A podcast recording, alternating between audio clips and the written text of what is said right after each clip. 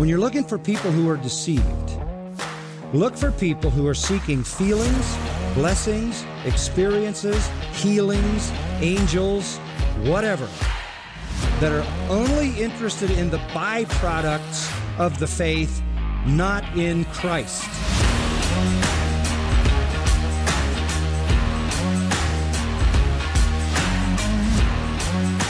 Come out from among them. Run for your life. Because this is about your life. It's not just about an opposing theology or a conflicting viewpoint on Jesus. This is about your life. Run from gospels that focus only on success and prosperity. Run. Run from churches where men and not Christ are glorified. Run. Run. Body of Christ, run. Get out. Run from churches where you're comfortable in your sins.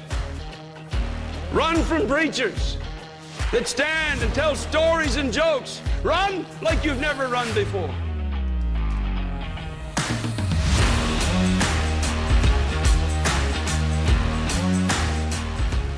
Hvis ikke Herren bygger huset, hvis det ikke er Han som leder arbeidet, hvis det ikke er Hans ord vi bygger på, Hans ord vi handler på, ja, da handler vi, da bygger vi, da arbeider vi forgjeves.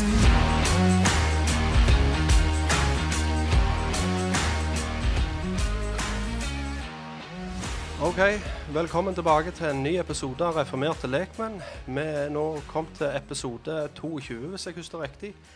Og mitt navn er Håvard Handeland, og med meg i studio så er jeg eh, Thomas Opstad. Og vi har med oss òg en gjest i studio, og det var han du hørte sånn intro, i, i introen vår på slutten der, og det er Sølve Salte. God dag.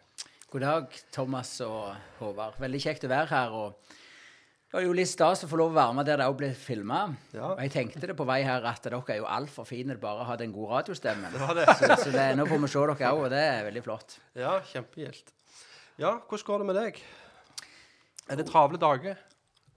Ja, eller Det går litt på jobb nå. Det Ja. gjør det. Og akkurat nå så har jeg hatt ei eh, uke to som har vært litt sånn ekstra travel. Jeg kan jo jeg bare si det, jeg er jo velsigna rikt med stor familie. Ja, det må du fortelle er- litt om.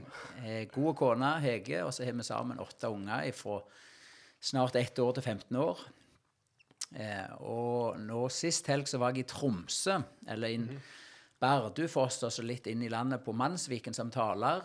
Eh, og klart, det var utrolig kjekt, og jeg får så respekt for de der oppe, for der var det annet en som hadde reist i seks timer for å være med med bil for å være med på Mannsviken, så de har et annet forhold til avstand. Men klart, når jeg reiser opp og ned og gjerne ikke sover så godt, og kommer hjem, og på mandagen skal jeg slakte alle hønene, så det er gått litt i ett. Så jeg får en god gjeng med mannfolk til gassing av snaut 7000 høner, så det har vært litt intensivt. Ja, for du, du må fortelle litt om deg sjøl. Ja, fortell hva du jobber med. Eh, Jeg driver gard ut forbi Klepp. Ja. eh, med egg- og melkeproduksjon. Ca. 65 melkekyr og en eh, 7500 høner i økologisk eggproduksjon. ja. Eh, En del av eggene leverer jeg direkte til større hotell i området, og resten går til grossist. ja. Eh, Det er på en måte gården som vi lever av, men i tillegg til det så reiser jeg rundt sånn på jobbene som fritidsforkynner. Det, er- egentlig et sånn litt gjalla ord, fritidsforkynner, men eh, det er jo ikke bare noe vi leker med. Men jeg reiser rundt som ulønna forkynner. ja. Ehm, Jeg Ja. kan bare si det, lyden er akkurat den kommer og går litt her hos meg, men ser du det? Hvordan, eh, det kan være at du ikke stapp den her skikkelig i, men jeg tror bare det er klokkene dine, så jeg tror det ja. skal gå fint. Um, slår det greit ut på opptaket ditt der? Det går helt godt her. så da er det godt. Ja, kjempe. Vi heter lekmenn, vet du, så da, det viser seg litt i teknikken òg av og til, men det får gå. Ja, det går godt. Ja, vi vil høre litt om uh, din bakgrunn. Vi pleier det, de fleste gjester vi har på, så spør vi dem hva, hva var deres inngang til, til å bli kjent med Herren. Hva er ditt vitnesbyrd? Sølve? Ja. Jeg eh, vokste opp i eh, det vi kaller for en kristen heim, eh, med to veldig gode foreldre, som jeg er veldig glad i og har respekt for. Tora Lars Alte.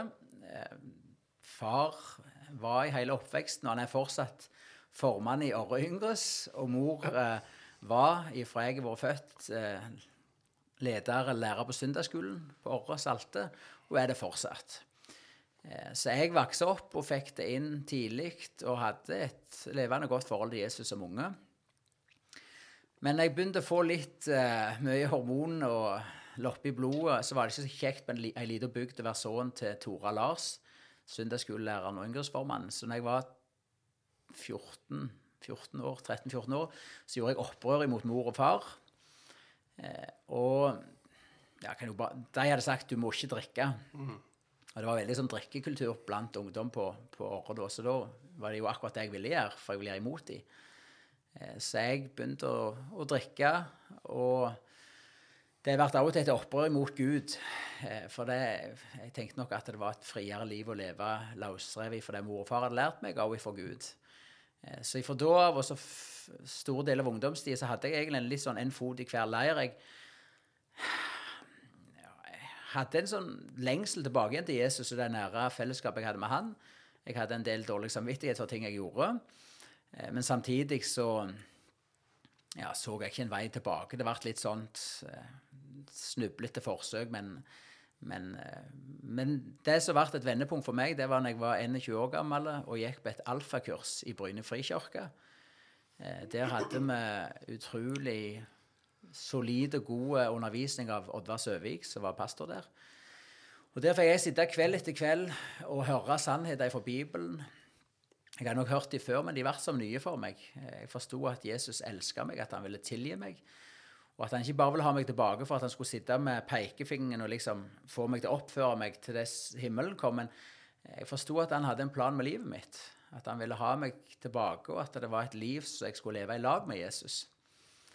Eh, og mm, det forandra alt. Eh, så fra jeg var 21 år gammel, så gikk det fra egentlig å leve sånn en fot i begge leirer til at jeg ønsket å leve helhjertet for Jesus.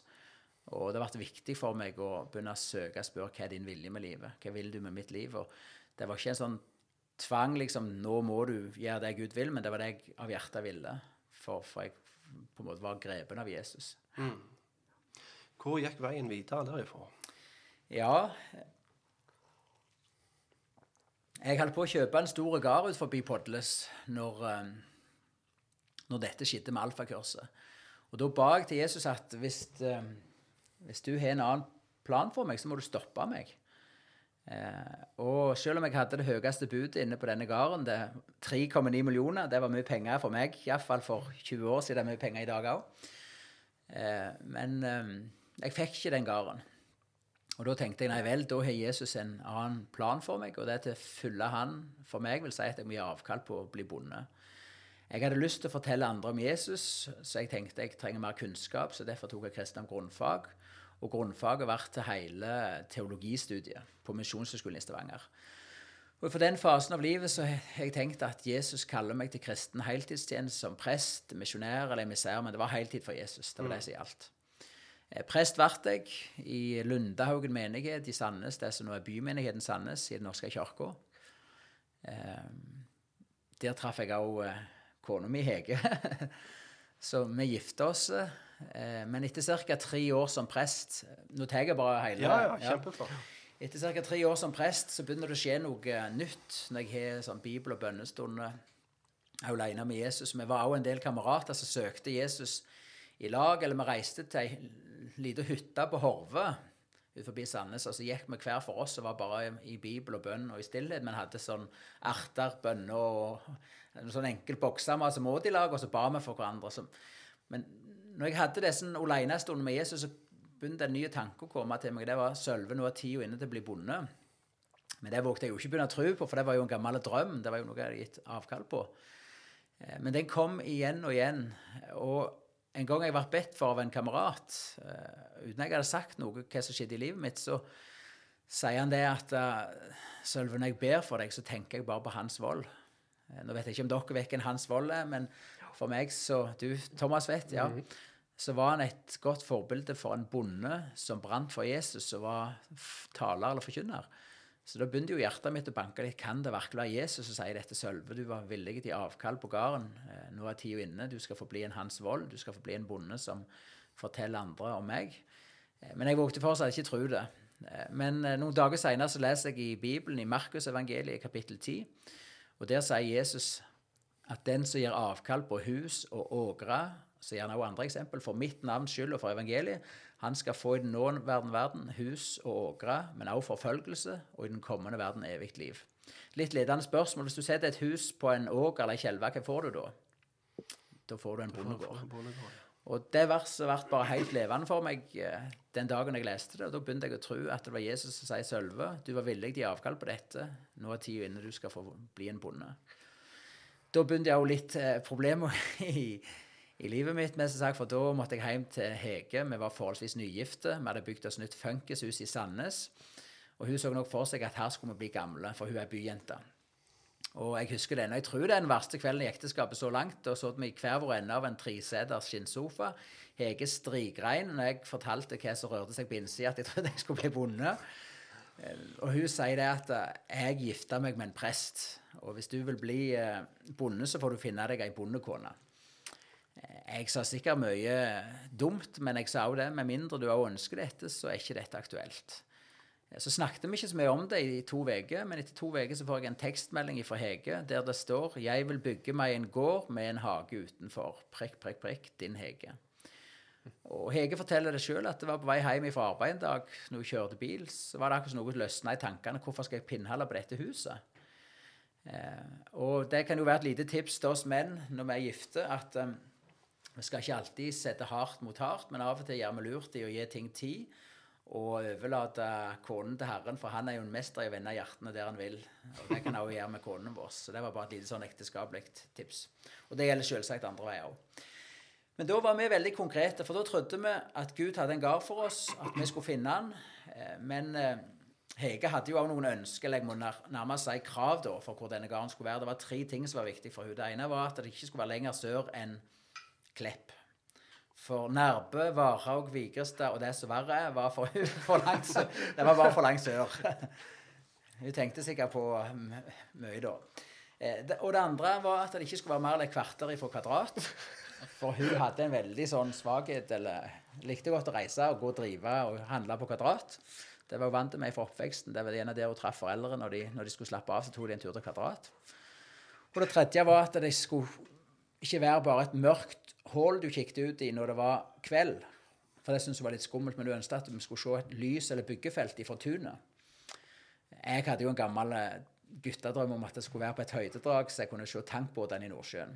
Så med dessen som ledepinne, 15 minutter kvadrat, ikke lenger sør enn Klepp, eh, lys på kveldstid og et høydedrag så du ser sjøen, så begynte vi å reise rundt sentralt på Jæren. Jeg kan ikke forklare dette rasjonelt, men jeg ser notatene mine fra den tida, så jeg bare krysta av område etter område, og til slutt så konsentrerte vi oss om høydedrag rundt Klepp. Eh, og en dag så parkerer vi bilen i veikanten langs Postveien, ut forbi der vi nå har gard. Jeg viser Hege denne gården. Det var jo ikke en gard som var til salgs eller noe, men eh, vi ber, og så får begge bare en sånn fred at det, det er her det er. Dette er plassen. Eh, det høres litt sånn sprøtt ut, jeg, er klar over det, men vi fikk bare sånn Det er her det skal være. Eh, og da er jeg ganske frimodig. Da går jeg og ringer på døra og presenterer meg og sier til bonden at jeg er på jakt etter gard, om denne var til salgs eller forpaktning. Nei, sier han. Han var ikke til salgs, men han trenger en avløser. Og da tenkte jeg OK, kanskje som eh, Jakob i Det gamle testamentet, som jeg være dreng en stund før jeg får det som jeg har lovt. Så vi lager en avtale om å være avløser. Kort tid etterpå så sier jeg opp jobben som prest. Eh, da spør jo folk ja, men hva skal du nå? Nei, jeg skal bli bonde, og jeg, vi tror at noe skal ordne seg. Vi kunne jo ikke fortelle noe om hva og hvordan, men, men vi hadde en forventning om at eh, Gud hadde kontroll på dette. Oppsigelsen var 15.3.2005, og det var fram til 1.8 som var sluttdatoen som prest. Eh, og meg og Hege vi blir bare enige om at hvis vi forstander Gud riktig, så skal vi bare takke og be om gården, at Gud skal gi oss den og åpne en vei. For vi ønsket ikke å ha spisse albuer og grave til oss denne gården. Og, og, det var jo viktig for oss at det var en god ting for denne bonden. Så mens vi, og da, da ber vi jo regelmessig for dette. Og en gang når vi ber for dette, så får Hege et, um, ja, et syn eller et sånn bilde i tankene sine, som også er en måte Gud kan uh, meddele budskap til oss på. Eh, og da ser hun at bonden og eh, står rett ned av låvebrua midt i tunet med åpne armer og ønsker oss velkommen, og at han peker ut alle skjelvene på gården og tar oss inn i det ene huset og viser oss alle rommene. Og da tenker vi ok, hvis dette er Gud, så må vi jo bare handle på det. Så vi setter oss i bilen, nervøse og beende, og reiser opp. Og ganske riktig, når vi treller inn i gardsrommet, så står bonden rett ned av låvebrua. Og når jeg går ut for å snakke med ham, så får jeg frysninger på ryggen, for da sier han Sølve, du må huske på sånn og sånn den dagen dere skal bo her. Da har det tydeligvis skjedd noe med tankene hans. Han har begynt å tenke at vi skulle få bo der. Og Så tar han og peker ut og viser oss alle kjelvene på gården, og tar oss inn i det ene huset og viser oss alle rommene. For meg og kona mi Hege så var det en enorm bekreftelse på at OK, selv om det ikke ser ut som noe skjer, så skjer det noe og Gud til kontroll. Så vi må bare vente. Månedene går, det skjer ingenting sånn ytre sett. Eh, sommeren nærmer seg, og vi merker jo presset fra folk som er glad i oss. Blant annet mor og far var veldig bekymra for meg, for de hadde hatt en gjeve sønn som var prest, men nå var han en svermer på jakt etter gard. Og jeg husker far sa 'Hvor er dette luftslottet ditt? Hvor er denne gården?' Jeg hadde jo ingenting jeg kunne vise til. Så Hege sier en dag at eh, vi må be noen dristige bønner. Det var jeg enig om. Og vi ble enige om at vi skulle be Gud gi oss et gjennombrudd når det gjaldt gården. Dette var en onsdag. Og vi hadde allerede en del planer i helga som ble enige om et gjennombrudd på mandagen over helga. Og da ber vi, eller ikke systematisk, men regelmessig for dette fra onsdagen av. Og mens vi gjør det, så får Hege et nytt bilde i, tankene sine. Der hun ser meg, bonden og en tredjeperson. Akkurat som vi sitter her nå, tre mann på et bord. At vi signerer på noen papir. Og når hun deler dette, så sier jeg bare 'yes, det er kjøpskontrakten'. Så mandagen kommer, jeg er jo kjempenervøs. Det går an å ta oppriktig feil. En skal skal være litt nøktern når det gjelder sånne ting. Jeg reiser jo med hjertet i hendene, men det fantastiske for oss er jo at bonden sjøl eh, foreslår den mandagen at vi skal kontakte Martin Svebestad på Klepp regnskapslag, for det var regnskapsføreren hans, for å sette opp en kjøpskontrakt. Og ca. ei uke seinere har vi fått lov å kjøpe eh, den gården. Og det var så utrolig ryddig når vi var hos regnskapsføreren, for han sier du er klar over til bonden da at hvis du slakter gården og selger jord og tunet for seg, så kan du få mer penger. Jeg vil selge det sølve. Du er klar over hvis du går til eiendomsmegler og får budkonkurranse og sånn, så kan jeg vil selge det sølve. Mm. Så for meg og Hege så var det en utrolig konkret erfaring av at uh, Gud er levende. Og hvis det er hans plan og vilje, så er det ingen problem å legge en liten litlefing for å være i det bildet på en liten gard på Jæren og lede en familie dertil. Eh, men det må jeg bare si at det pleier jeg å ha når jeg taler om dette, at Eh, jeg sier ikke dette for at alle som skal følge Jesus, skal bli bønder. Men det var Guds plan for meg.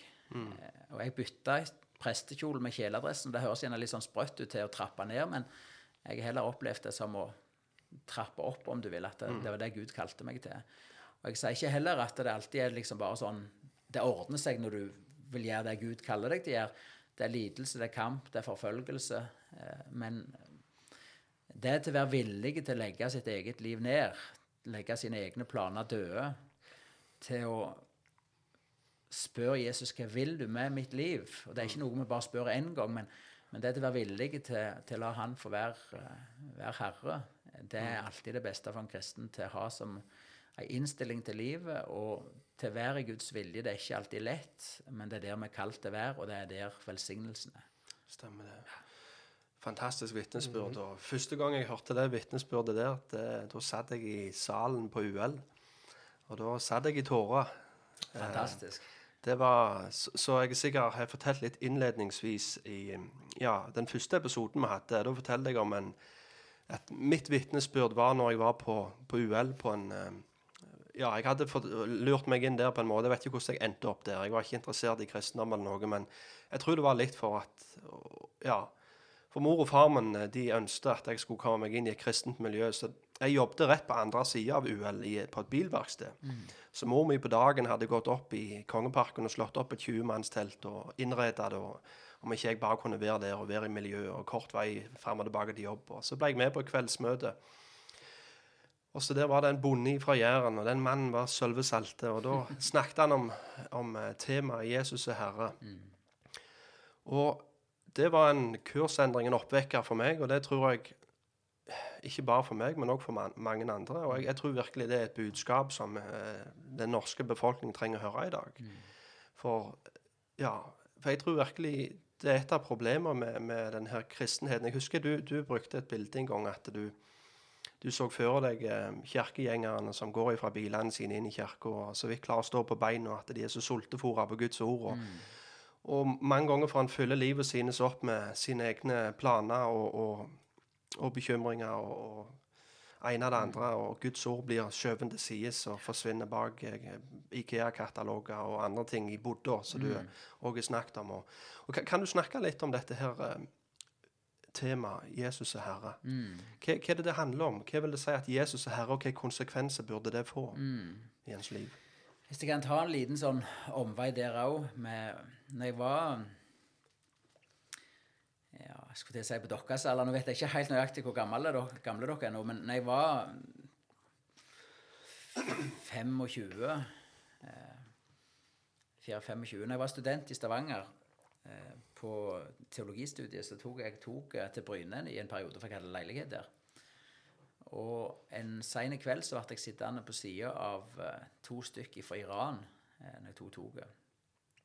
Og vi kommer i snakk, og de forteller det at uh, å være kristen i Iran er ingen problem hvis du bare vil holde tro, troen for deg sjøl. Men hvis du vil eh, gjøre det som Jesus befaler deg, hvis du vil dele troen og, og, og, og, ja, og følge hans befalinger, så sier, de da får du store problemer. Eh, Og så fortalte de videre at eh, deres inntrykk var at folk i Norge, sa de, de kjenner ikke lenger Jesus som herre.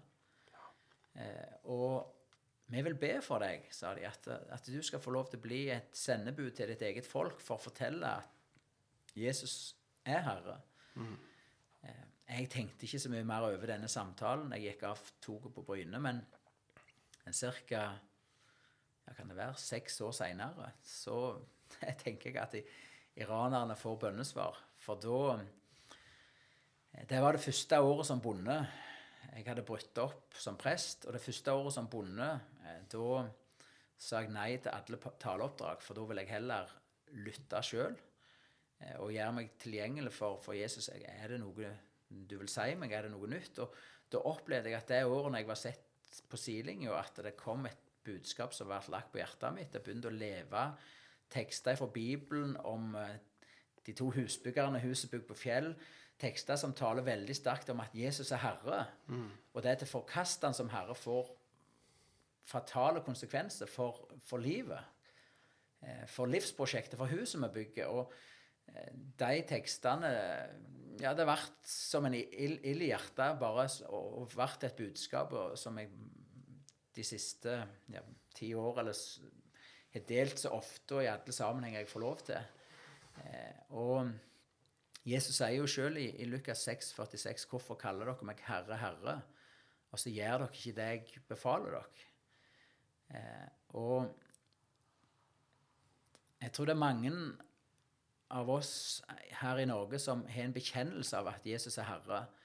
Eh, Men av ulike grunner så forhindrer man, eller takker man nei til at han får være herre i vårt eget liv. Eh, Og det kan være sammensett hvorfor det er sånn, men eh, noe som også er en sentral del av den talen eller budskapet mitt, det er jo at at vi har gitt oss sjøl en frihet som kristne i Norge til å misbruke Guds nåde.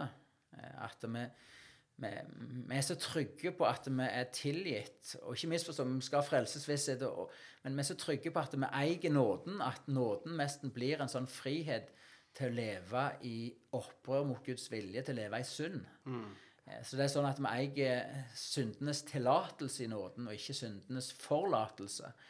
Eh, Og, da hører jeg sånne meninger blant kristne at eh, ja eh, Jeg vet at Gud elsker meg og er med meg i alt jeg gjør, og han velsigner valgene mine. og og Det høres gjerne ikke så graverende ut, men, men, men måten vi omtaler Gud og Jesus på, blir egentlig som om de er noen hovmestere som springer rundt oss for å møte våre behov, for å betjene oss. Eller vi har nåde til å leve akkurat hvordan vi vil, og så allikevel får vi stole sånn på at Gud uansett er god. Og så har vi en veldig sånn smal forståelse av godhet. Det kan til og med gå så langt at mennesker bruker Jesus og Guds nåde som en mur imot Guds vilje. La meg få lov til å være i fred. Jeg vil leve mitt liv. Eh, Men, men, men da er jo det altså hvis vi, Jesus er jo ikke to personer, han er én person. Eh, og, og du kan ikke dele Jesus som herre og Jesus som frelser. For, for jeg tror mange tror de kan takke ja til frelsen, og så er liksom det med å være etterfølger eller ha Jesus som herre, det er bare for de litt ekstreme. De som har gått tre år på bibelskole eller er reformerte lekmenn eller et eller annet. Men, men Jesus er én. Og når du mottar Jesus, så tar du imot alt det han er og har. Og det går ikke an å ta imot Jesus bare som frelser, men da tar du imot han som frelser og herre. Eh, Og Gud har aldri kalt oss jeg sier talen, til å springe som eh, hyrdeløse sauer i påvente av himmelen, men vi har fått en hyrde herre. Jesus kom, så det blir ofte, ja, men Jesus er jo her for å tjene. Ja, Jesus kom for å tjene. Han kom for å gi sitt liv. For å kjøpe oss fri for synd og fortapelse og dom. Men så skjedde det jo noe fantastisk på den tredje dag. Da ble jo Jesus oppreist fra de døde. Og det står i Bibelen at herreveldet ble lagt på hans skuldre. Gud innsatte Jesus som hyrde og herre for sitt folk. Og Hvis du tok imot han som den frelser, så skylder du å leve for han som den herre. Du har fått en herre over livet. Eh, Og det er vel gjerne det som ligger sånn tungt på meg. Og jeg tenker også at det er et utrolig frigjørende budskap. For, for jeg opplever også at rundt i Norge, og jeg kan se i mitt eget liv og i sammenhenger som jeg vokste opp i, så er det en veldig lengsel etter å erfare Gud. Etter å se Guds kraft i funksjon, etter å se mennesker bli frelst, etter å se liv bli forandra. Etter, etter å få en berøring av Jesus. Og det kan være gode, eller det er gode ting å søke eh, det Jesus kan gjøre. men men jeg er overbevist om at eh, alle våre fromme ønsker om liv og vekkelse eh, blir til ingenting eh, hvis vi har forkasta Han som Herre. For dere kjenner jo begge godt den teksten kan fortsette med i Lukas 6, 46-49. Etter Jesus sa 'Hvorfor kaller dere meg Herre, Herre, og gjør ikke det jeg sier', så fortsetter han å fortelle om to husbyggere eh, som eh, begge Vi kan ta det som er felles. Begge hører de hans ord. De kjenner Jesus sitt budskap. Eh, de eh, bekjenner han som herre. Eh, Vi kan tenke de går i den samme menigheten, de kneler med det samme alter og tar imot den samme nattverd. De ber de samme bønnene, de kan stå og bekjenne troen i lag. Men allikevel sier Jesus at det er en grunnleggende forskjell på de som gjør at i møte med stormen, eller i møte med Guds dom For det er som en liten parentes Leser du Matteusevangeliet fra begynnelse til slutt, så er det veldig tydelig at eh, enhver disippel er på vei mot en endelig test om disippelskapet er ekte. Du har lignelsen om de fem forstandige og de fem uforstandige jomfruene. Du har i slutten av bergpreikenen i kapittel 7 i Matteus om alle de sjokkerte disiplene som på en måte Når Jesus blir avvist av Jesus. Eh, og du har òg den opprivende domsscenen hvor Jesus da skiller i, i to flokker. Eh, og det som er, er tydelig, det er at Gud en dag vil Gud ser jo til hjertene. Og Gud vet om, om, om det er frelse, eller om det bare er f- fake, om du vil. Men, men at Gud en dag vil felle sin dom over et disippelskap om han vedkjenner seg det. Og Jesus sier jo at i møte med stormen, altså Guds bilde på Guds dom, så vil det ene huset falle fullstendig til sammen, og det andre bli stående. Og hva var forskjellen på dem? De hadde begge så mye kunnskap, antagelig. De kjente Jesus sitt ord, de bekjente han som Herre. Jo, den som hører disse mine ord, og ikke gjør etter de. I, I våre sammenhenger så er vi jo ofte livredde for å snakke om gjerninger. Eh, og lydighet er jo mest et fyord. Men eh, er det noe som er frigjørende, er det noe som er til velsignelse for et menneske, så er det til å få nåde til å være lydig mot Jesus. Mm. Nåde til å bøye seg for hans ord. Og, og, og det er altså, Bare for et annet bilde Nå er gjerne ingen av oss gamle nok til Jeg er faktisk murt en mur med å spenne opp ei målesnor. Mm. Da må du ha begge hjørnene i vadder, og så strekker du snor over. Og så har du ikke den tre meter opp i lufta, men du har den rett over kanten på muren. etter hvert så du Se for deg en lekamur som murer oppover. Hvis du ikke hadde hatt den målesnora og tenkte ja, men jeg er godt augamål, så kan det være det de er gått lenge. Men bygger du lenge nok, så vil du komme ut av kurs. Og, sånn tenker jeg litt av det budskapet til Jesus i lignelse om, om, om disse to husbyggerne. For vi kan tenke men hvordan, hvordan kunne det ende så ulikt? Så da tenker jeg at den ene lot Guds ord, Jesus sine ord, være en målesnor over livet. Som i plassen for at han tilpassa Bibelen til livet sitt, så lot han, så omvendte han seg. Ikke at han var fullkommen eller perfekt, men han bødde seg inn under Guds ord. Og det er jo en livslang prosess for oss. Eh, Og, og det gjorde at han bygde noe som ble stående. Eller som ikke hører ut, at han ved Guds nåde og hjelp fikk, fikk bygge noe som Gud kunne vedkjenne seg. Eh, og ja, når jeg, har dette budskapet med Jesus som Herre, så eh, Etter å ha sagt litt sånn grunnleggende om at der en forstår at vi kan ikke forkaste Jesus som Herre, for da står vi i fare for å miste frelsa. Og at det er egentlig det, eh, det vi kalte det, så sier jeg ok, hvordan, skal vi kunne ha Jesus som Herre i, i våre liv? Og da har jeg tre punkt som jeg tenker er veldig viktige. Eh, Og det første punktet i, i, det, i det budskapet mitt det er at eh, skal vi ha det i hverdagen, med, leve med Jesus som Herre, så må vi søke Hans rike først.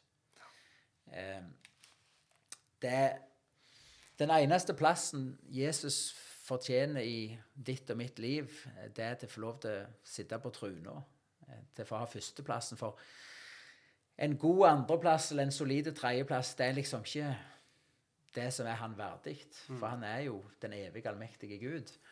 Eh, og eh, av og til har jeg inntrykk, og dette, er, dette gjelder vel som med meg, men, men at vi kan av og til tenke at vi lever våre liv, vi forsyner oss av våre egne ressurser og vår tid og vår lidenskap.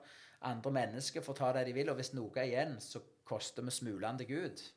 Og så ber vi om et veldig under. Men det er jo ikke sånn vi er kalt til å leve med Jesus. Han skal ha det beste av de og min tid, vår lidenskap, våre ressurser. Det er ikke sånn at hvis det er noe igjen av, av ditt liv, så får Gud det, men, men han skal ha det første beste. Eh, For han er jo kjøpt oss, vi tilhører han. Eh, Og det å søke Hans rike først, det tenker jeg handler også om å invitere han inn i planene. Eh, For meg kan være gode, og det tror jeg dere også kan kjenne dere igjen i, at du kan ha mange ønsker, det du vil, mål, eh, som kan være godt i og for seg, men, men som kristne så tror vi jo at vi skal legge vår vei i Guds hånd, at vi skal spørre Han om, om ledelse. Og, hvis det er sånn vi lever med Jesus, at vi legger planen for dagen, for uka, for måneden, for året, nesten for livet, og så når vi har lagt vår egen plan, så spør vi Det er da vi blir fromme. Da folder vi hendene og så ber vi om Guds ressurser for å leve våre liv.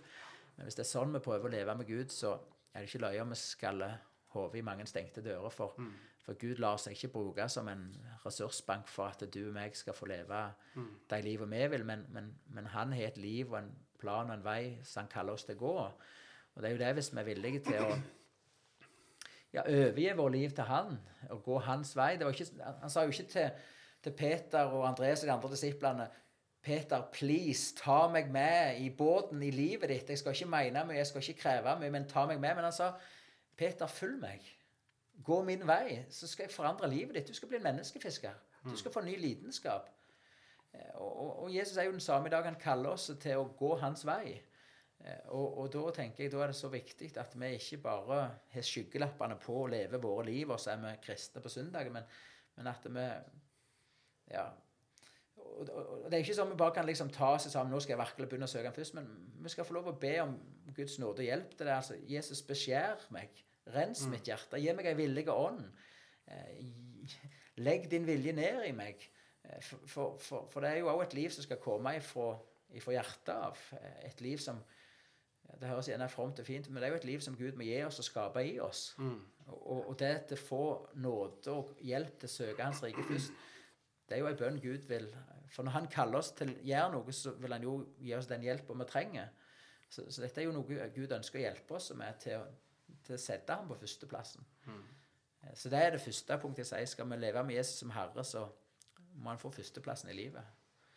Eh, Det, det neste punktet det er skal vi leve med Jesus som Herre, må vi høre og gjøre etter Hans ord. Eh, Og det er fantastisk. Jeg jeg er så glad for dere, Thomas og, og Håvard, at, eh, at Bibelen betyr så mye for dere. At dere har en sånn tiltro til det som står her. At dere ønsker å ta Gud på ordet. For det opplever jeg er jo gjerne kjernen i det Jesus gjør og har gjort i livet deres, at dere har fått en enorm tillit til Bibelen. Og Det fantastiske med Bibelen er at den gir oss ikke bare kunnskap om hva, hva Jesus kaller oss til, for det, det gjør han jo. Hvordan skal vi vite hva Jesus vil av oss hvis vi ikke kjenner det som står her? Men, Men den gir oss også kraft. Eh, Bibelen det er en kraftkilde til å leve et nytt liv. Eh, og det var der jeg hadde sånn som du fortalte en gang jeg skulle tale over kraften i Guds ord, så så jeg for meg eh, forsamlinga så jeg skulle tale til, komme kjørende i flotte biler, flotte klær. Men når de gikk ut av, av, av bilene, så så jeg de var radmagre. De var sultefòra.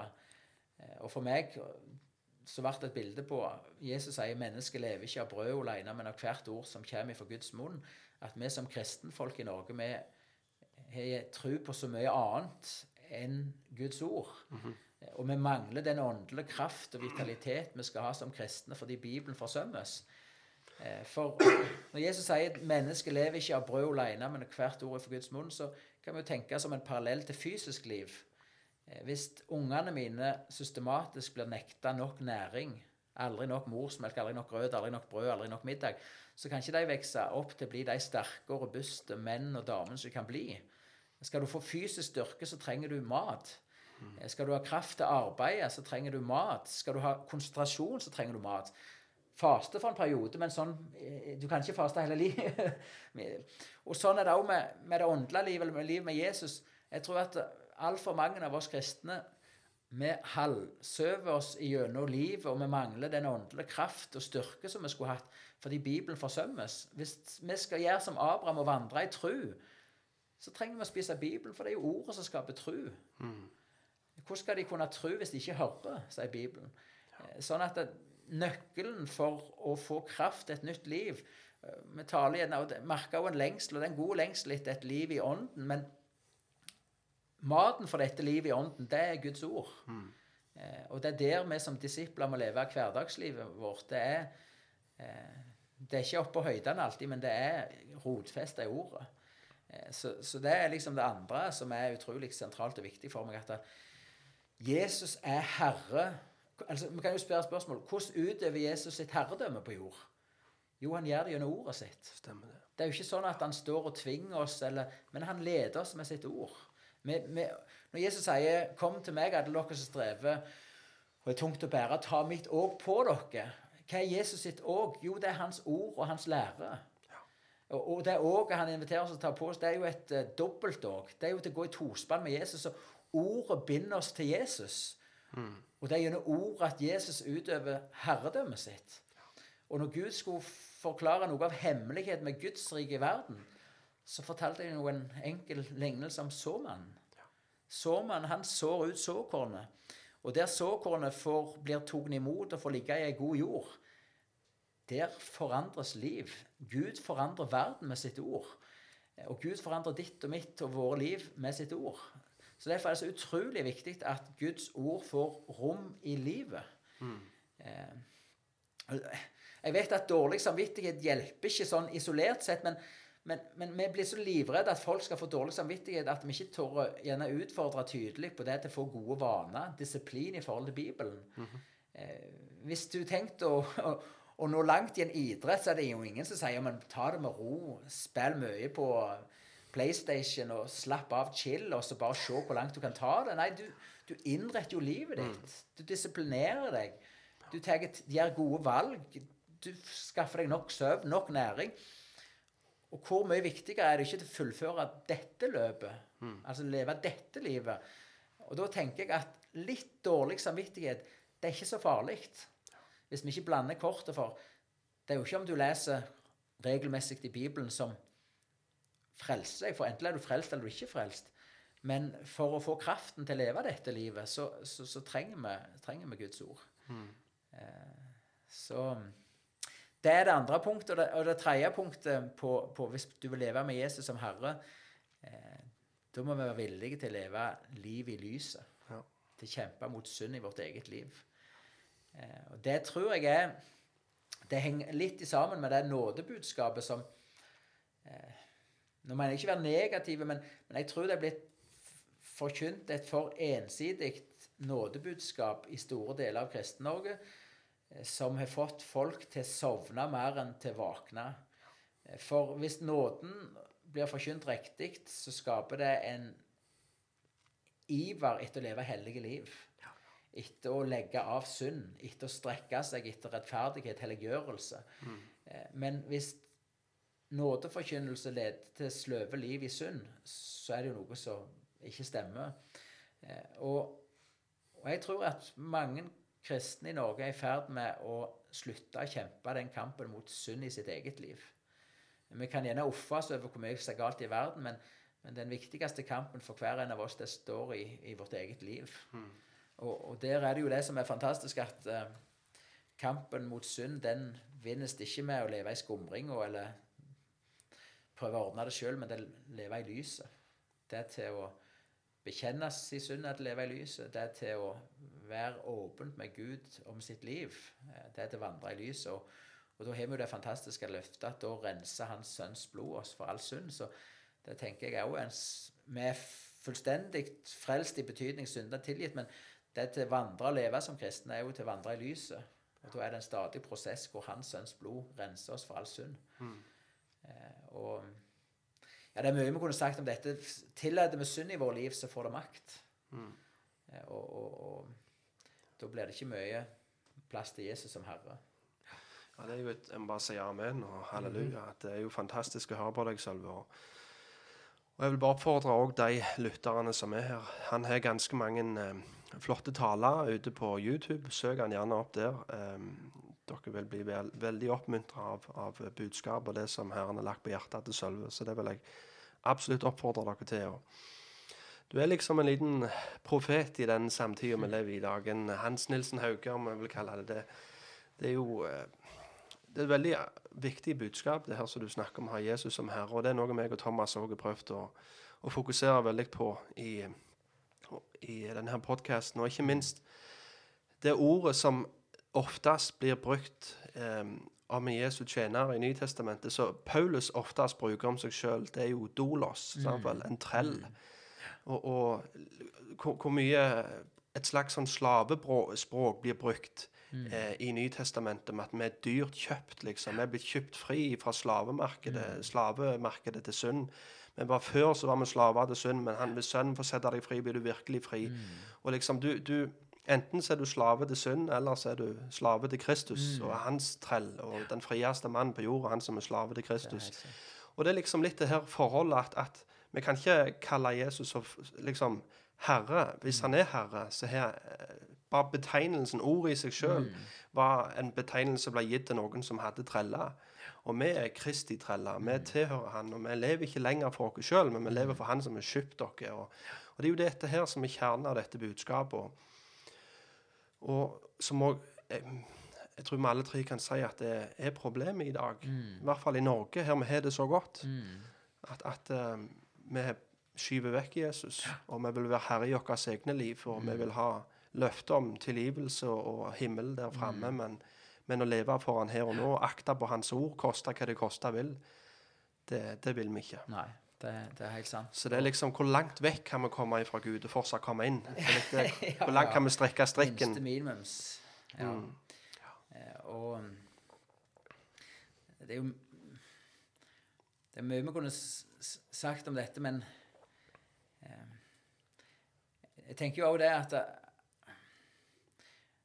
jeg tror det er en sånn avgjørende ting om, eh, om, eh, om en lever i Det høres gjerne litt kanan ut, men i omvendelse, eller om en har overgitt sitt liv. For eh, hvis en er innstilt på å leve for seg sjøl, så vil alt dette vi snakker om nå, virke som en byrde. Mm. Og som en sånn Å, er det enda en ting jeg må? Men, men hvis ja, Hvis en er i den første kjærligheten, hvis en forstår for, for se hvor mye Jesus har betalt for å kjøpe deg. Og så er det jo sånn det står om han som fant den verdifulle perla, at i bare glede gikk han og solgte alt han eide. Mm. Og det er jo sånn det er for oss til å få, få Jesus og få se hvem han er, og, og hvor stor den frelse han har gjort, at vi vender oss om i glede.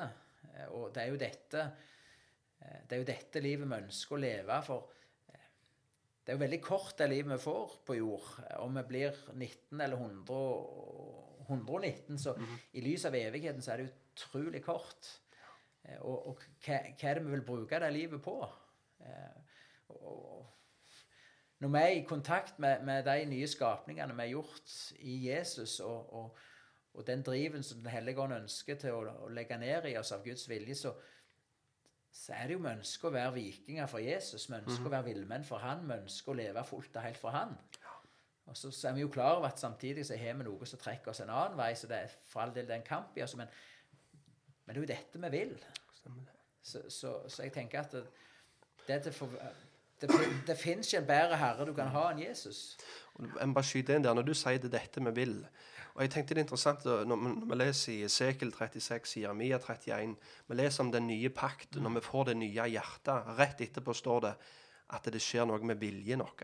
At vi vil holde Hans bud. Og Ja. trenger ikke lenger lære eh, hverandre, men hver skal kjenne Herren. Og, og jeg tror det er der eh, det store problemet er. Det å være frelst har vi dratt ganske ned i søla.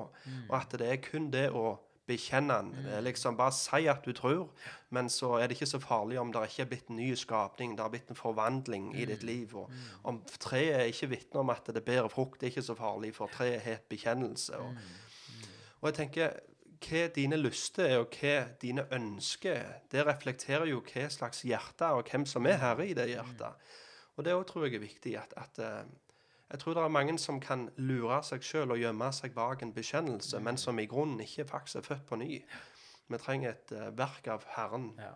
Og ja Jeg har lyst til å så skifte litt segment nå. Og så vil jeg ta og spørre deg litt eh, Når du kommer til oppdragelse, for her sitter det en som har åtte unger, og jeg, eh, og jeg syns sjøl det er utfordrende å oppdra.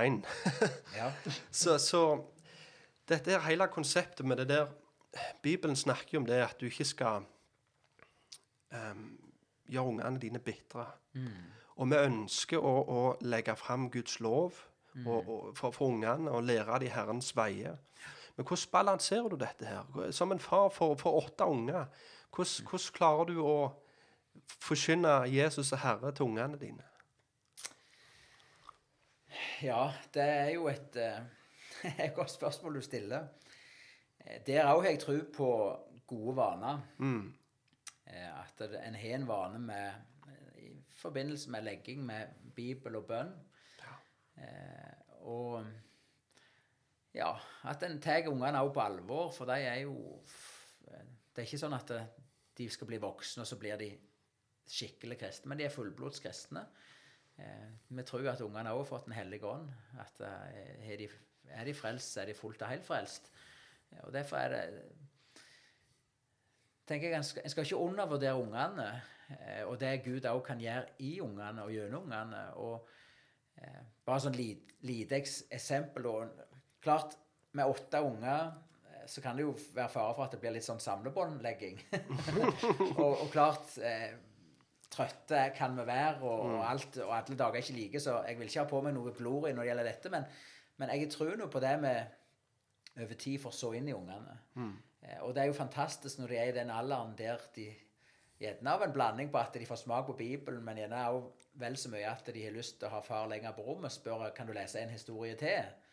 Og da tenker jeg det til å bruke den laglige eller den gode tida til å få gi dem Guds ord, til, til å lese til dem, eh, det skal du ikke undervurdere. Så tenker jeg også, altså det med Vi er ikke kristne alene. Det er også til å At de får se hva troen betyr for mor og far i det daglige.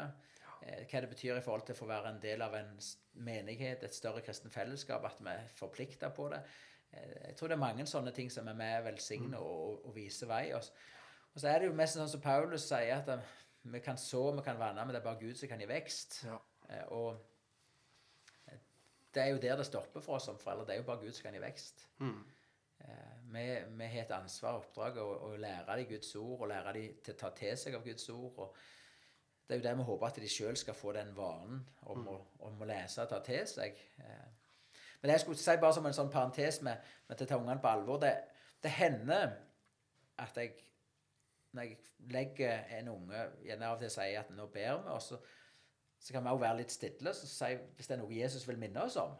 For det er jeg veldig tro på. Det står jo i Bibelen at det er godt å være stille for Herren og, og vente på igjen for Han. Og, og det at ikke bare liksom si våre ord og så si amen, men det er av og til la det være en stillhet der vi, der vi venter på Han, og hvis det er noe Han vil minne oss eller legge på oss, eh, eller vi er så mye ulikt språk. der Noen sier at det har vært godt for de andre sier at de er blitt minnet om noe, eller noen sier at de har tenkt så på. Noen er så frimodige og sier at «Ah, Gud sa til meg. det er så forskjellig, men vi tror alle på at det er en realitet bak disse ord. At det er Gud som er virksom, som er nær ved sin ånd, og som også kan meddele seg eh, til oss. Og, og da er det hendt flere ganger når jeg har vært stille med, med, med ungene, bl.a. en gutt som heter Levi, som så spør jeg han etterpå. Jeg er sånn mange ganger at jeg får gjerne ikke noe, men, men jeg tenker det er godt for det. Men så sier han Tenkte du på noe, Levi? Så sa han en gang ja, buda er viktige òg. Da bare kvapp jeg litt. det var jo fantastisk. Ja. Tenk på det, en sju år gammel gutt. og Det, det var ikke sånn at vi hadde snakket om bud rett før, men bud er viktig òg. Jeg tror som en forlengelse på det så skrev vi de ti bud på hånden og så klistra opp på skapdøra hans. Men, men, men bare liksom det til Ja. Det er en utfordring til å ha nok tid til den enkelte, og samtidig så skal ikke en brenne seg ut som foreldre, så en må jo ha rutiner, og en må ha litt sånn progresjon i legginga. Men, men, men det til tenker det kan være oppbyggelig for, for den voksne òg til å Det trenger ikke være så store òg før en kan begynne å lese stykket i den voksne Bibelen. Og, så, det, så jeg tenker det er en mulighet for, for, for meg som far òg til å sjøl bli velsigna. Ja. Eh, Men det er jo ikke alltid jeg tenker sånn når jeg skal legge to på lag, og de slåss mens jeg leser Bibelen. Så jeg sitter mest når det gjelder legging. Ja, det er det, ja. ja. Ja, men, men du får liksom et nytt syn på hva det vil si at Gud er tålmodig med oss. ja. Det er i hvert fall sikkert, for du kan fort bli utålmodig med, med Og så altså, jeg tror på og, mm, Jeg lever ikke alltid sånn som jeg Altså Jeg har mye til å utvikle meg som far og som foreldre, men, men jeg tror på at ungene skal vite at vi elsker dem. eh, at vi kan ha Hvis Hvis ikke det er i bunnen, så, så tror jeg mye av det andre detter til, til bakken. Mm. det er akkurat som Paulus sier, hvis det ikke uten kjærlighet, så blir jeg bare dundrende malm og ringende altså, og Det er jo sånn som med jorda. Vi snakker om når vi sår noen frø, for at de skal spire, så må det være veksttemperatur. Eh, Det må ikke være frost, men det må være en viss temperatur i jorda. Og til varmere jorda er til raskere spire og vekst. Og så tenker jeg også som foreldre og i møte med ungene altså hvis, hvis de vet at jeg elsker dem, mm. så er det så mange av de andre tingene som ønskes skal skje og vokse og komme på plass, som skjer så mye lettere i livet. Eh, Men så er det òg det med En ser jo når en åtte unger, at de er så forskjellige. Den Det er en måten til å ta den ene på, er ikke plent måten å ta den andre. Så det er òg et veldig tenker jeg, bibelsk på sikt at rettferdighet vil ikke alltid si likt. Nei. Vi tenker at hvis Gud er rettferdig, så må han behandle det likt. Men, men ja, han er villig til Men, men rettferdighet vil ikke alltid si likt. Eh, Og, og som en parentes, når Gud deler ut talenter i lignelsen Når han betror sine tjenere oppgave og ansvar, så gjør han det etter hva de er i stand til å ta imot. Han gjør ikke likt. Og, og som far, så når vi òg gir ungene ansvar eller oppgave, eller skal oppdra dem, så, så må en òg behandle dem individuelt, selv om en er åtte. Eh, Og det er ikke alltid like lett. Så det, det tror jeg aldri at jeg kan føle at jeg er i mål, men, men først og fremst er det at jeg føler meg uendelig velsigna av å ha fått de ungene. Og jeg er så glad for hver og en. Jeg kunne ikke tenkt et liv uten.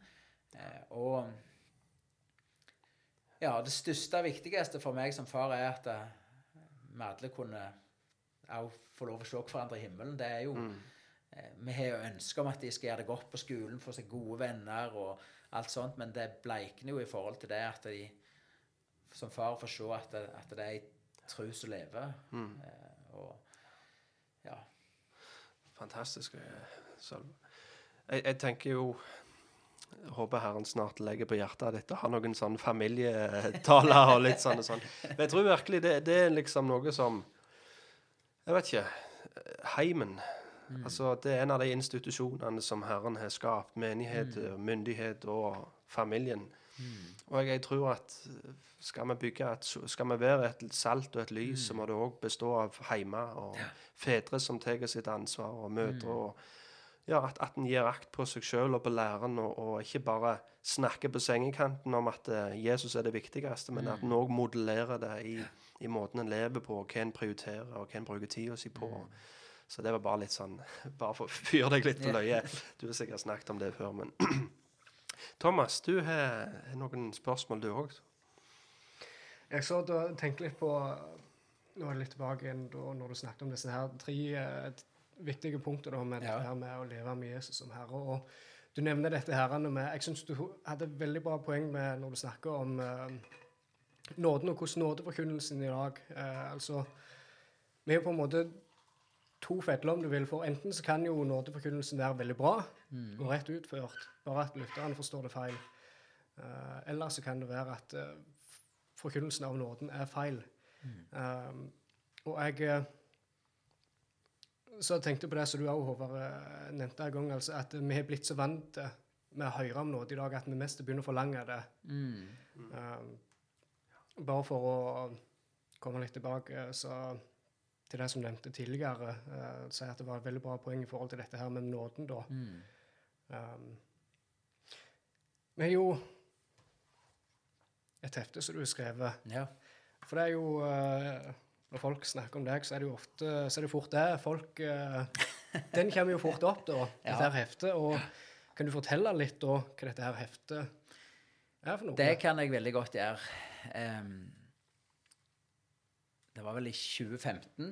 Men det har jo pågått en veldig lang eh, kamp i Den norske kirka med syn på ekteskap. Eh, om ekteskapet fortsatt bare er for Adam og Eva, eller om det òg kan være for Adam og Even. For å si det veldig sånn gjerne litt flåsete. Men om, om, om Gud òg kan velsigne et likekjønnet ekteskap. Om det kan være ei rett forståelse av hans vilje inn i vår tid. Og det er jo en utrolig brudd med hele Bibelen.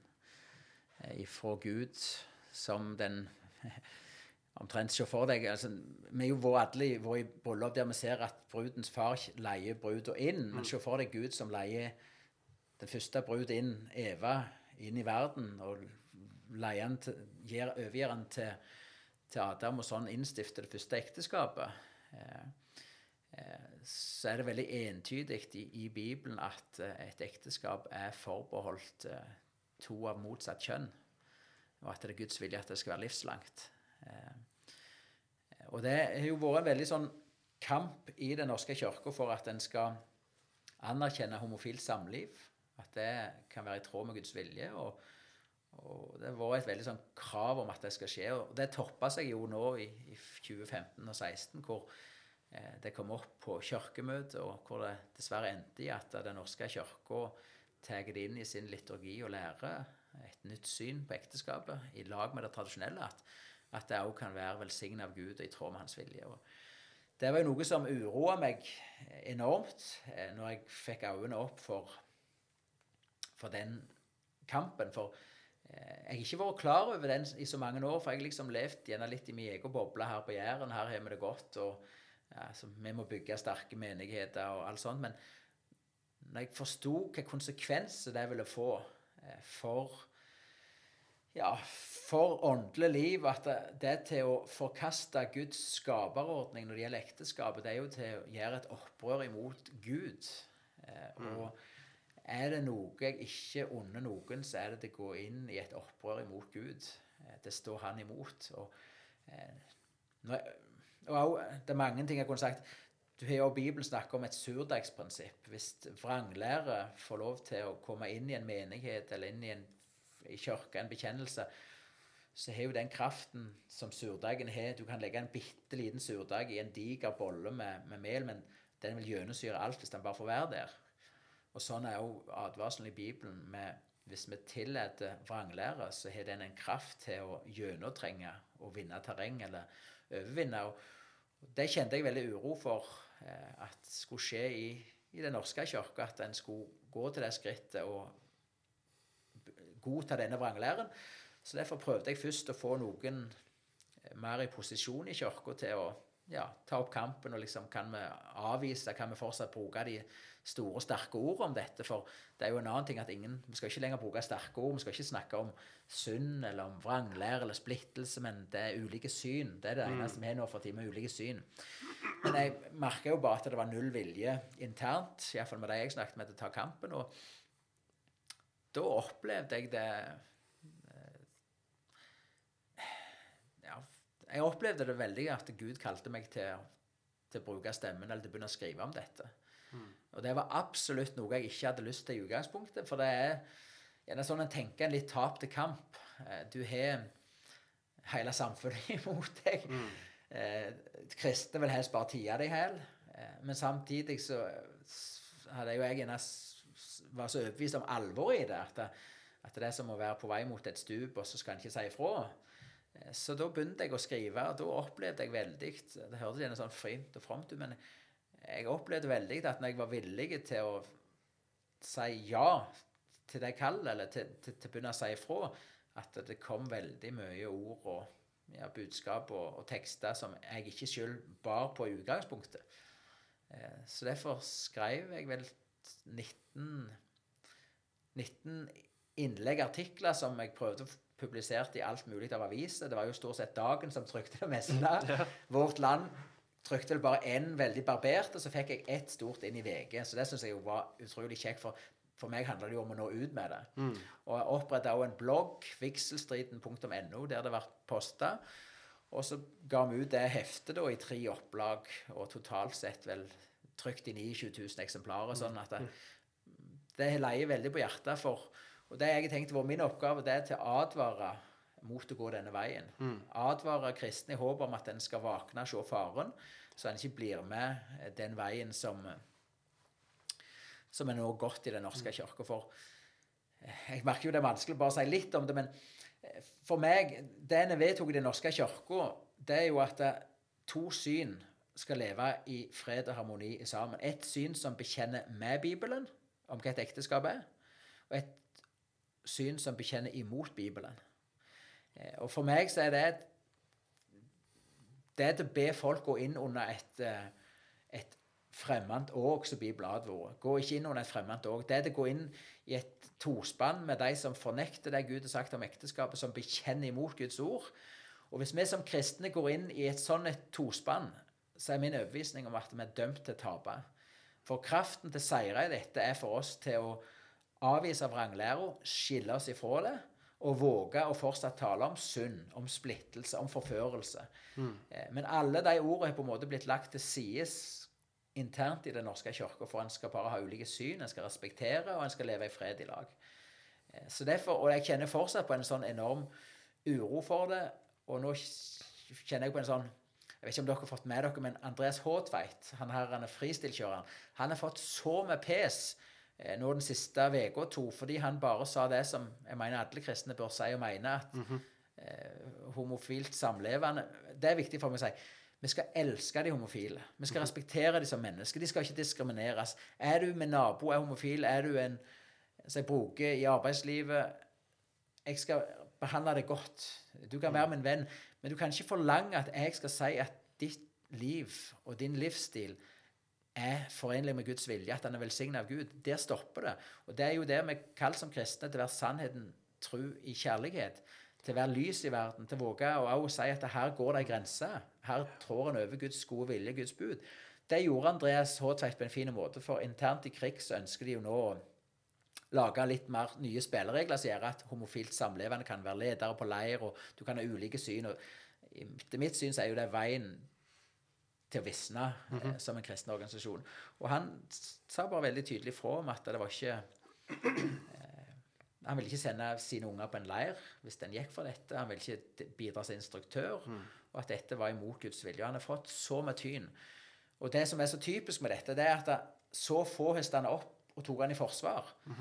For vi er sikkert 100 000 kristne som fortsatt mener det samme som han i Norge, men det er nesten så det blir sånn underholdning å se en kristen blir sabla ned. Og det, det Nå skal ikke jeg si her på poden at jeg kommer til å skrive noe om det, men jeg kjenner bare sånn Det er ikke rett. Nei. Vi bør stå sammen.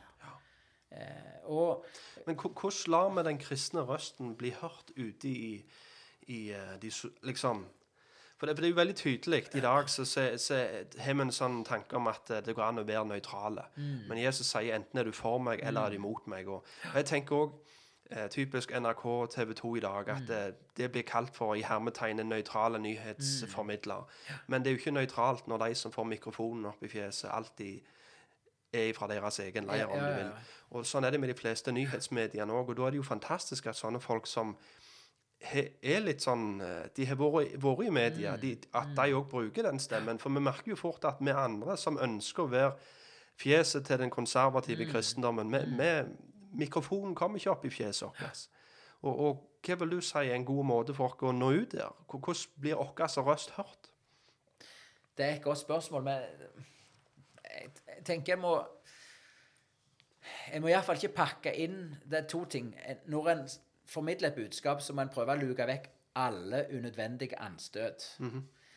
Og spisse budskapet, og liksom at det ikke sånn havner i at han brukte sånne ord. Men her, her, altså, en, en må kunne være saklig og samtidig skarp, og, og be Gud om å ha det rette hjertet bak. Men, men når, det, når det er sagt, så må vi bare bruke alle mulige Dere når ut med podkast. Eh, dere hever dere på, på, på filmen. Og, altså, vi må bare være kreative og våge å bruke de kanalene vi har, og, og tenke også det til, til, det, det som virkelig monner i dette, det er jo til å bygge kristne disipler i heim og menighet som går ut og våger å være frimodige kristne i den stand og stilling som Gud har kalt dem til å være. Om det er som tømmermann eller som mediemann eller som, som vi trenger, Akkurat som det står i Bibelen, at uh, tjen hverandre hver med den nådegave han har fått av Gud. Som gode forvaltere av Guds mangfoldige nåde. Guds nåde er mangfoldig, sånn den trenger et utall, eller uendelig mange forskjellige hender for å få uttrykke det. Så tenker jeg òg For at vi som kristne skal nå ut med vår stemme, så trenger vi folk på så mange forskjellige arenaer. Mm. Sånn, sånn at, eh, men eh, akkurat når det gjelder dette med ekteskap og homofilt samliv, så opplever jeg at det er en sånn trøtthet blant oss kristne. At eh, en ønsker ikke å snakke om det.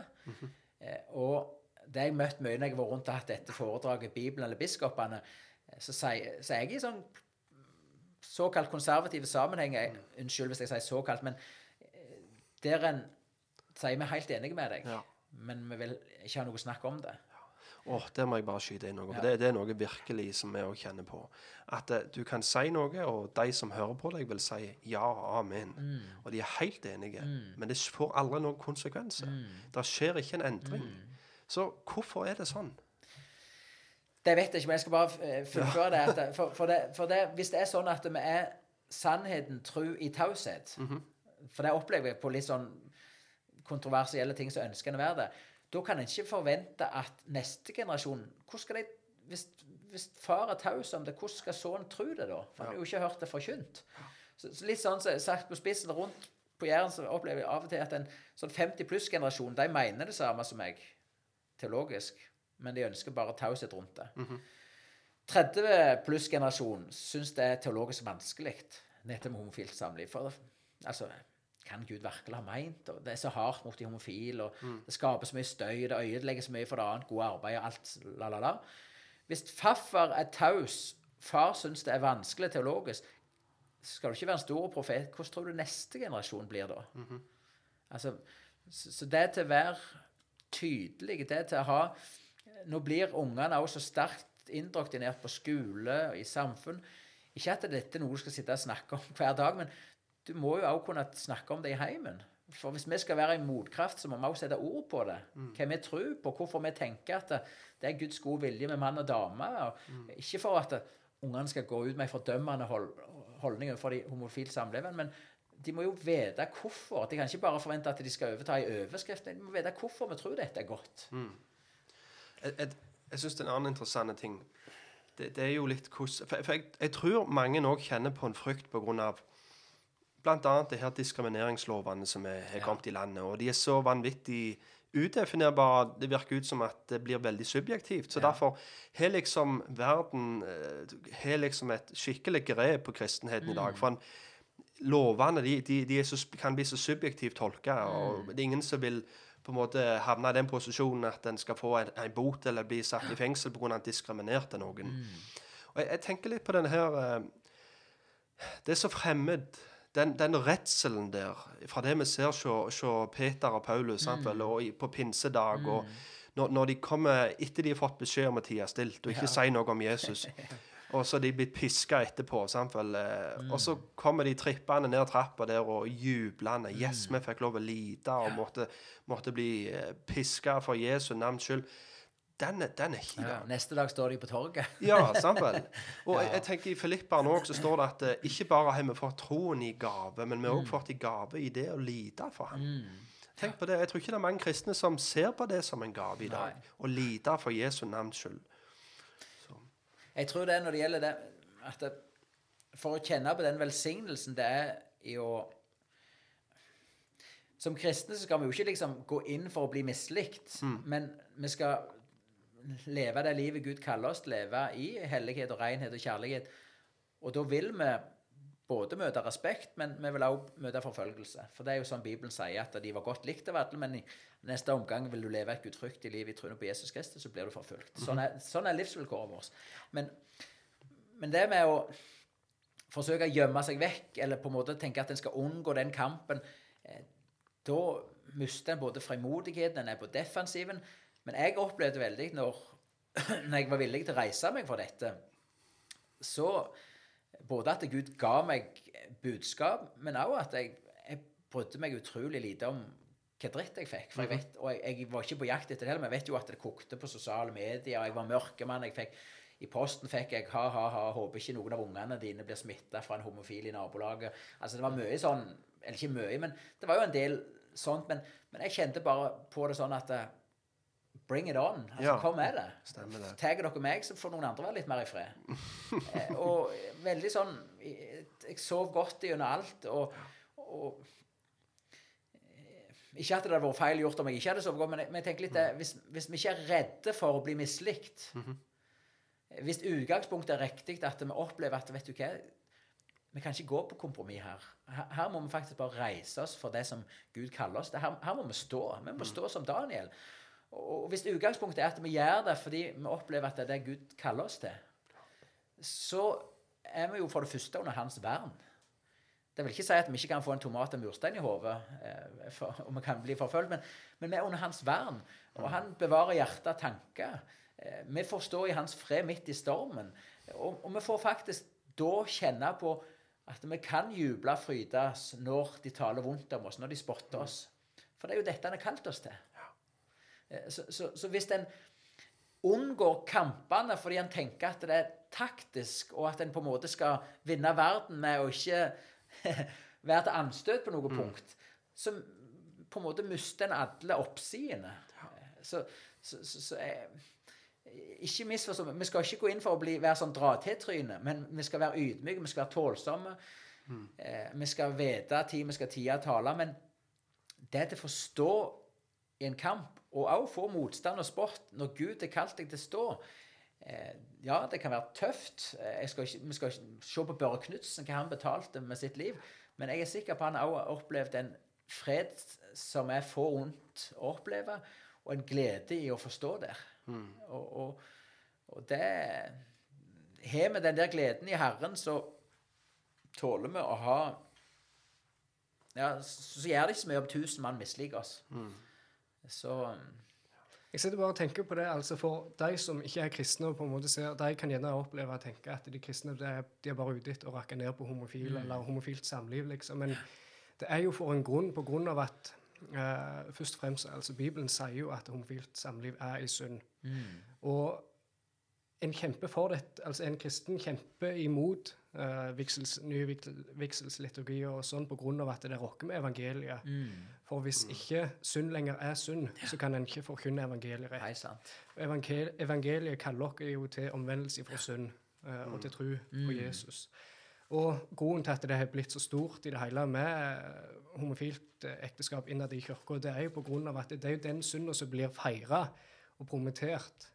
Altså du, ser, du finner ikke noen eh, parade i Oslo så på en måte vi er, vi er horkarer, vi ønsker å feire dette her, eller vi er løgnere. Og, men det er liksom det eh, pride og det er homofilt samliv som skal bli eh, lovprist og herliggjort. Og, Og det er derfor det blir sånn kamp. Jeg føler òg mange ganger så blir det liksom et skille. Blant kristne så sier de det at ja, ja, men så lenge vi er enige om evangeliet, så kan vi ikke slå så hardt ned på om vi ser ulikt på hva som er synd og ikke. Og da er det jo så interessant det vi har i 1. Timoteus fra kapittel 1. Jeg kan bare lese fra vers 8. Ja.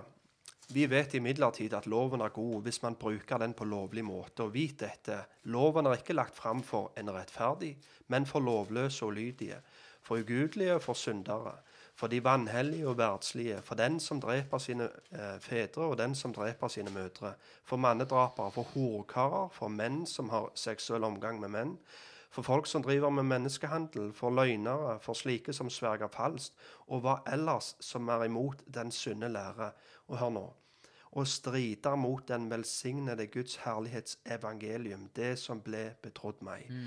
Så her ser vi at vi kan ikke skille hva synd er, ifra hva evangeliet er. Evangeliet er at Jesus ble sendt til verden for å frelse mennesket fra sin synd. Og da følger det naturlig at da kan ikke vi som kristne som tror på han, er klamrer oss til det korset, fortsette å leve i den synden som han døde for. Paulus sier jo sånn Sånn levde dere før. Stemmer det. Så det Nei, det er helt sant. det. Jeg, jeg tenkte jo bare på et dele med dere et vers eh, som står i eh, Judas brev. Det er jo sånn av og til hvis du sier til noen kristne Judas, er det, er det i Bibelen? Ja, ja det, det er faktisk det. Og der skriver jo eh, Judas eh, i starten at han skulle ønske han kunne eh, skrevet til dem om den frelsa de er felles. Det hadde vært ingenting hadde vært kjekkere for han om han kunne malt ut korset og Jesus og blodet. Og... Men så skriver han i forvers eh, tre Mine kjære, jeg har hatt et inderlig ønske om å skrive til dere om den frelsa som vi har sammen. Men nå ser jeg meg nøyd til å sende dere noen formanende ord om å stride for den trua som en gang for alle er overgjevne til de hellige. For det har sniket seg inn visse folk mellom dere, ugudelige mennesker som for lenge siden var oppskrivne til å bli dømte. De misbruker vår Guds nåde til et liv i utskeiinger, og de fornekter vår eneste hersker og Herre Jesus Kristus kjenner meg veldig igjen med Judas at det er mange ganger du skulle ønske at du kunne ja, fått kommet med et budskap om, om den frelsa vi er sammen. Mens, og, og det skal vi gjøre igjen og igjen, men samtidig så opplever jeg at Gud òg legger andre budskap eh, på meg, mer sånn vekkerrop til kristne om å, om å, om å kjempe for den troen som vi en gang har fått. Og her står det jo utrolig sånn sterkt, for det sneker seg inn. Altså Det er nesten kommet inn bakveien, inn i det kristne fellesskapet. Mennesker som kommer med en annen lære, for de misbruker vår Guds nåde til et utsvevende liv. Altså Guds nåde blir brukt for å leve et liv på utsida av de grensene som Gud bud, Guds bud setter. Og, og det fører til, som det står her, at de fornekter vår eneste hersker og herre. Så å misbruke Guds nåde til å leve i ulydighet mot Guds bud, det er å fornekte Jesus som hersker og herre. Og det, det jeg syns er en, av sånn grunnutfordringene for kristenliv i Norge nå, at, at det er så lett å misbruke Guds nåde for å leve på utsida av Guds vilje. Men da sier jo Bibelen at det er til å fornekte Jesus som hersker og herre. Eh, Sånn at eh, det er et veldig alvor i dette. Og nå, nå snakker jeg ikke først og fremst om homofilt samliv, for det er jo bare aktuelt for noen få. Men, men nå snakker jeg mer allment for oss alle. At, at det, er noe du tar med seg. Men eh, ja, Vi kan ikke skille Jesus ifra hans ord. det kan jeg ikke. syns det er så interessant det verset som vi finner i evangelien. Den som skammer seg over meg Mm. og mine ord, skal jeg skamme meg for min far og englene mm. kommer i Mm. himmelen. Og det er mange som liksom lever med den at nei, jeg skammer meg ikke over Jesus. Mm. Men med sin praksis og med sitt liv, så i praksis så skammer han seg over hans ord. Enten ved at han ikke snakker om det, eller han prøver å hoppe over det. Og, Mm. og det er òg en form for å Vi snakker ikke høyt om det. En, en skammer seg over det. Og det er et alvor der. Mm. Når vi ser hva som kommer rett etter. Jeg må bare få si, jeg vet ikke hvordan eh, tid dere har tenkt å runde av, alt sånt, men jeg må bare si til Thomas og deg, Håvard, at eh, jeg setter veldig pris på dere. Og eh, det er veldig herlig å ha med å gjøre unge, staute menn eh, som eh, vil ta troen og Bibelen sånn på alvor. Eh, som eh, på en måte ikke vil prøve å vri det til for hvordan kan vi på en måte se vekk ifra det. Men, men så jeg vil bare anerkjenne den eh, ja, det ønsket dere har om å, om å stå på ordet og leve på ordet. Eh, for eh, ja, det er veldig godt å merke at en har den, det som et felles utgangspunkt for For det av og til en kan kjenne seg litt sånn motløs hvis en bruker mye tid på andre kristne. og Nå mener jeg ikke å si noe sånn negativt, men der det bare blir sånn endeløse diskusjoner om uh, Så du gjerne tenker handler egentlig om at en vil se vekk fra dette, eller en vil ha frihet til å leve sånn eller sånn. Men, men jeg føler det er liksom no, noe grunnleggende som er på plass når en Ingen av oss lever fullkomment, men, men vi har det som et ønske. At vi, vi ønsker å ha Jesus som Herre. Vi vil ha en stor Gud over vårt liv. Eh, vi, vi har lyst til å, å, å leve for Han. Eh, så, så det er bare å anerkjenne det syns jeg er et utrolig flott eh, frukt å se i livet deres. Og eh, måtte det bare vokse videre. Og, Tusen takk for det, Sølve. Takk for det, ja. Vi vil òg bare si at du har vært en stor velsignelse for oss, både meg og Thomas. og vi, vi ja, Herren brukte virkelig deg mye i våre eh, begynnende år. og vi, meg, meg og Thomas fotfulgte deg vel på alle talene du hadde. Og, og en gang så husker jeg jeg hørte den samme talen din fire ganger. eller var noe. Hvor jeg fulgte deg etter på alle bedehusene du bare talte. sånn blir det av og til. Stemmer det. Nei, så det, Du har vært en stor velsignelse. Jeg takker Herren for han brukte deg på den måten i, i mitt liv. Og, og jeg vil òg bare ønske deg eh, Guds velsignelse med alt det du står i, og det du den vekkelsesforkynnelsen som Herren legger på hjertet ditt, og, og vi er med deg i bønn, og vi ber om at uh, din røst må nå ut i de norske daler og, og fjell, iblant de norske daler og fjell. Og, Jeg vet veldig godt å kjenne at vi står i lag om det til å be og arbeide for vekkelse. At, uh, for uh, selv om vi Jeg tenker så viktig at selv om vi opplever at mange ting gjerne ikke går vår vei som kristne, så, så selv om en tenker at en kan tape mange slag, så, så seieren tilhører jo oss mm. til slutt. Eh, og, og samtidig så, så tror vi jo at Gud er fullt ut i stand til både å vekke og frelse eh, i dag. Eh, sånn at vi Ja, vi må bare være frimodige og ikke bli sånn som disse ti speiderne som bare ser murene og kjempene, men vi må få nåde til å se den store guden som står bak oss, så vi kan Jeg bare kom på et veldig godt bilde i den sammenheng. så Nå kommer vi til en avrunding her. Jeg hørte en historie fra Det var vel en krig i, i, i Vietnamkrigen. Det var en amerikansk eh, hærfører da um, som skulle rykke inn imot uh, Japan. Og, og, og de hadde da blitt omringa. Veldig tydelig at her var de ute, ute med de. de, de ja, japanerne de var, var fler, flertallige så det holdt. Og han her em, alle soldatene til den her amerikanske hærføreren de var livredde og tenkte det vi gir oss, vi heiser det hvite flagget. Men han sa nei, kom igjen, gutter. Nå har de omringet oss, så nå har de ingen plass å springe. Og det, det er liksom litt den der Og sammen med David. Noen sier nei, nei hjelp eh, Goliat, han er så stor. Mens David sier nei, han er for stor til å bomme. Er du med? Og det er liksom, Hvordan vil du se på denne her store fienden som er, kom imot dere? Så la oss ha det med, som motiverer oss, at eh, han som er, bor i oss, er større enn han som er i verden.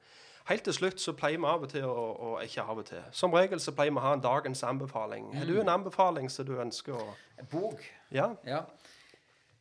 Eh, ja, jeg har lest en del av en amerikansk forfatter som heter John Bever. Mm. og han har ei Han har flere utrolig gode bøker, men har ei bok også som heter 'Driven by Eternity'. Mm. som er en veldig spennende bok om eh, Kristi domstol. Eh, om at selv som kristne vi er frelst for våre synder, så står vi ansvarlige for den tjenesten Gud og det kallet Gud hadde over vårt liv, at vi en dag også skal bedømmes eh, av Gud på det. Så 'Driven by Eternity', John Bever. Thomas? Jeg vil slenge ut en anbefaling, og det er to taler. Det er av deg, Sølve, ifra Logos, da du snakker om eh, evighetsperspektiv. Ja. Et Det overgående temaet var vel det, men så fokuserte du mest på evig dom. Mm. Det var, en, eh, det var to veldig gode undervisningstimer. Så de vil jeg anbefale. Min anbefaling er at dere som eh, lytter til denne podkasten her, og nå begynner de begynner vi å få en ganske god eh, gjeng med følgere som hører på oss, vær med Sølve og, og be for Sølve. Og, og eh, kjemp i lag med han, og i, i, vær med i denne kampen som vi som vi kristne står i i dag. ta til sverdet, om det er å bøye seg ned på kne og be, eller om det er å, å reise sin røst. Så vær med Sølve i bønn. Det er min anbefaling. Takk. Med det så tror jeg vi sier takk for i dag, og takk til deg, Sølv, for at du ville komme. Kjekt å være her i lag med dere. Så sier vi bare på gjenhør. På gjenhør.